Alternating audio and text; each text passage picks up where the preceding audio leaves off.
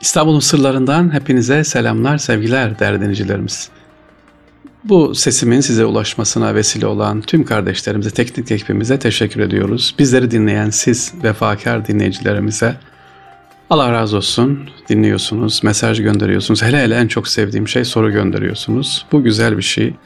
Bundan çok mutlu oluyoruz. Allah razı olsun efendim. Bizleri de araştırmaya sevk ediyorsunuz inşallah. Çünkü bilmediklerimi de öğreniyorum. Bilmediğimiz çok sorular var. Gitmediğim yerler var. Onları da öğrendim inşallah. Yeni açılan müzeler varmış. Birkaç dinleyicim bana mesaj at hocam gördünüz mü diye. İnşallah onlara da Allah'ın izniyle gideceğim. Sevgili dinleyiciler, e, bugün sizlere Mimar Sinan'ın kendi adına yaptırdığı bir cami var. Ondan bahsedeceğim.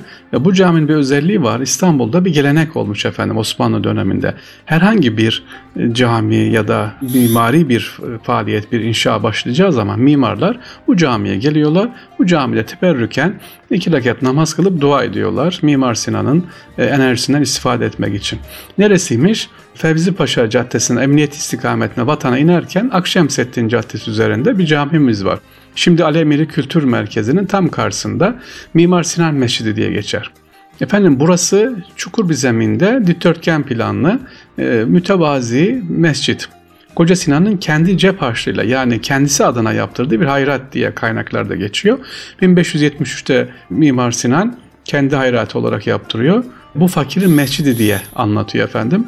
Ablu kapısı mescitte minare arasında kesme taşlı iki su tuğla ile örülmüş. Ha bu caminin bir özelliği var. Yazlık ve kışlık iki tane ayrı bölümden oluşuyor efendim.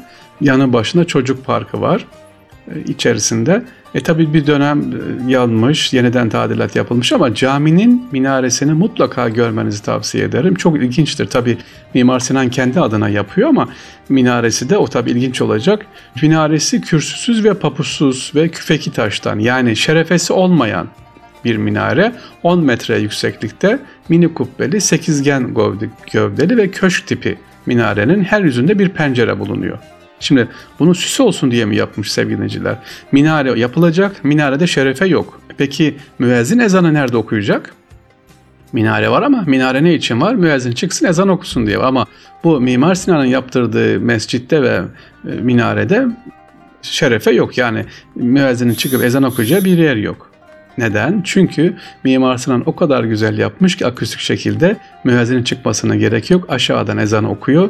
Akustik ses sistemini ayarlamış. O pencerelerden, yukarıdaki pencerelerden etrafa ne yapıyor? ses gidiyor, çevreye ses gidiyor. Ha şimdi gidiyor mu? Şimdi mikrofon var yine duyulmuyor. Neden? Etrafı tamamen ne yapılmış? Taş binalarla, koca koca bloklarla kapanmış efendim. Mimar Sinan'ın mezar taşındaki kavun sırrı var. Onu da anlatalım yeri gelmişken. Süleymaniye Camii'ni yaptırıyor biliyoruz. Yapılıyor mimarı kendisi ve orada da mütevazi türbesi var. Peki Mimar Sinan'ın türbesindeki kavuk kendisi de yaptırıyor onu. Neden e, farklı bir şekilde sarı yani öyle söyleyeyim ben. Buna haseki sarı diyoruz. Haseki demek dost demek, sırdaş demek, kündekari demek.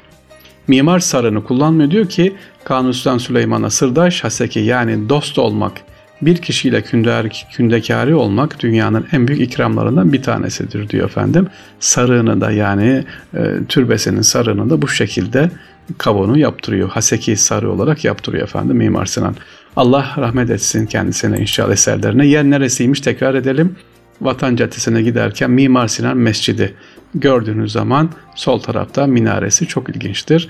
Mimarlarımız duysunlar beni, mimar okuyanlar oraya da gitsinler. Teberrüken Mimar Sinan'dan inşallah dua etsinler sevgili Devam ediyoruz İstanbul'un sırlarında. Bakalım ne anlatacağız. Şimdi sıra İstanbul'da ilk elektriğini ve ilk sıcak suyun kullanıldığı bir bina var. Onu anlatayım ben size. İlk elektrik ve ilk sıcak su. Neresiymiş? Pera Palace. Ya Efendim dünyaca ünlü Orient Express 1880 yılında Paris İstanbul seferine başladığında İstanbul yolcuları burada kalıyorlarmış efendim. Bu 1892 yılında başlanan bina 1895'te e, Pera Palace Otel olarak açılmış burası. Tepebaşı'nın en önemli binalarından bir tane. Yani dönemin 5 e, değil hatta 7 yıldızı binalarından bir tanesi. Pera Palace Otel'in özelliği İstanbul'da Osmanlı sarayları dışında elektriğin verildiği ilk elektrikli asansörün ve ilk akar sıcak suyun bulunduğu bir binaymış efendim. İlk elektrik bu binada, ilk asansör burada ve ilk sıcak su da bu binada Pera Palas'ta olmuş. Türkiye'nin Avrupa standartlarındaki ilk oteli Pera Palace Otel. Bugün bile çok ilginçtir. Ha şunu sorabilirsiniz hocam girebilir miyiz, ziyaret edebilir miyiz? Tabii giriş lobiye girin, izin istediğin zaman giriş bölümü size gezdiriyorlar, görebilirsiniz. Tabii fazla kalabalık olmayacak şekilde ailenizle gidebilirsiniz. İçerisi dediğim gibi hala 1910 o yıllardan kalan eşyalarla donatılmış duruyor. Ha kimler kalmış burada efendim? Burada özellikle polisiye romanlarını bilirseniz Agatha Christie'nin kalmış burada. Mustafa Kemal Atatürk burada kalıyor Pelaparas'ta. Adeta bir müze konumunda burada. Yine Belçikalı yazarlar kalmış burada. Belçika'nın ünlü yazarları, Fransa'dan yazarlar kalmış. Yurt dışından gelen misafirler de bu Perapalas Oteli'nde kalmış sevgili dinleyiciler. Yolunuz düşerse inşallah gidip uğrayabilirsiniz. Devam edelim Perapalas'tan sonra minarelerin şerefelerinde nazar boncuğu olan bir cami var mı? Var. Minarelerin şerefesinde nazar boncuğu. Bezmi Alem Valide Sultan yaptırdığı kendi adıyla bilinen caminin minarelerine nazar boncuğu konulmasını ister efendim. Bunu rica ediyor Valide Sultan. Yani şimdiki Dolmabahçe Camii var ya. Evet Valide Sultan minarelerin farklı olması ve caminin nazara karşı da bir sembol konmasını istemiş. Fakat e, mimar Garabat Balyan e, bunun mimari olarak mümkün olmadığını, estetik olmadığını bozacağını söylüyor. E, Valide Sultan ısrar edince efendim buna bu sefer akantüs ağacının yaprakları konmuş. Şu anda baktığınız zaman minarede e, Valide Camii'nde yani Dolmabahçe Camii'nde e, Ortaköy'e giderken Beşiktaş'a doğru giderken akantüs ağacını görürsünüz. Akantüs ağacı neymiş efendim? Garabat Usta'ya negatif enerji yani nazara karşı bir koruyucu olarak kalkan görevi yapar diye o dönemde mitolojide tabii akantüs ağacı konmuş oraya. Ve minarede yeni bir gelenek başlıyor efendim daha sonra. Akantüs yaprağı konulması geleneği bu Dolmabahçe Camii'nden sonra yapılmış. Yine Mecidiye Camii'nde, Hırkayı Şerif Camii'nde bu akantüs yaprağını görürsünüz. Ondan önce ne vardı? Erguvan vardı efendim. Erguvan ağacının yaprakları vardı minarelerde. Sonra bu ağaç yaprakları akantüs ağacının yaprakları konmaya başlamış. Sebebi de nazara karşı diye. Ee, öyle tabii biliniyor. Sevgili dinleyiciler İstanbul'un sırlarındayız. İlginç böyle kısa kısa notları anlatmaya çalışacağım size. Bir camimiz var Karamet Paşa Camii. Nerede Karamet Paşa Camii? Topkapı'da hemen surların yanında ya da kale içi diye geçer. Orada bir camimiz var. Camimizin giriş kapısı çok küçük, pencereleri de çok büyüktür. Neden acaba? Evet Karamet Paşa Camii'nin pencereleri çok büyük, devasadır, büyüklüktedir. Yani normal göreceğiniz büyük cami penceresine benzemez. Ama giriş kapısı da böyle sanki neredeyse eğilerek gireceksiniz. Mütevazi yapılmış. İşte onun sebebi. Karahmet Paşa kapısı küçük çünkü paşa sağlığındayken çok konuşmazmış efendim. Çok konuşmayı sevmeyen biriymiş.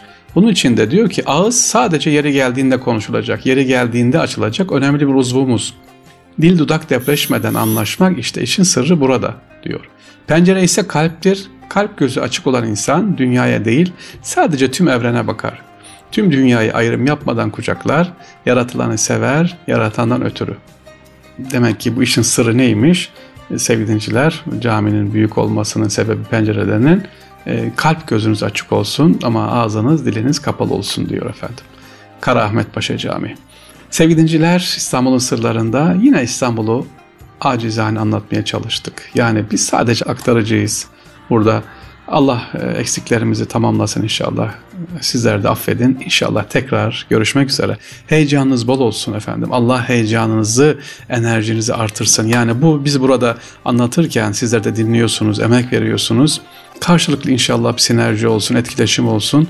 O ne güzel diye inşallah gidemeseniz de, göremeseniz de, niyetiniz de Allah buraya gelmeyi nasip etsin ve enerji sahibi yapsın. Esselamu Aleyküm ve Rahmetullah Berekat.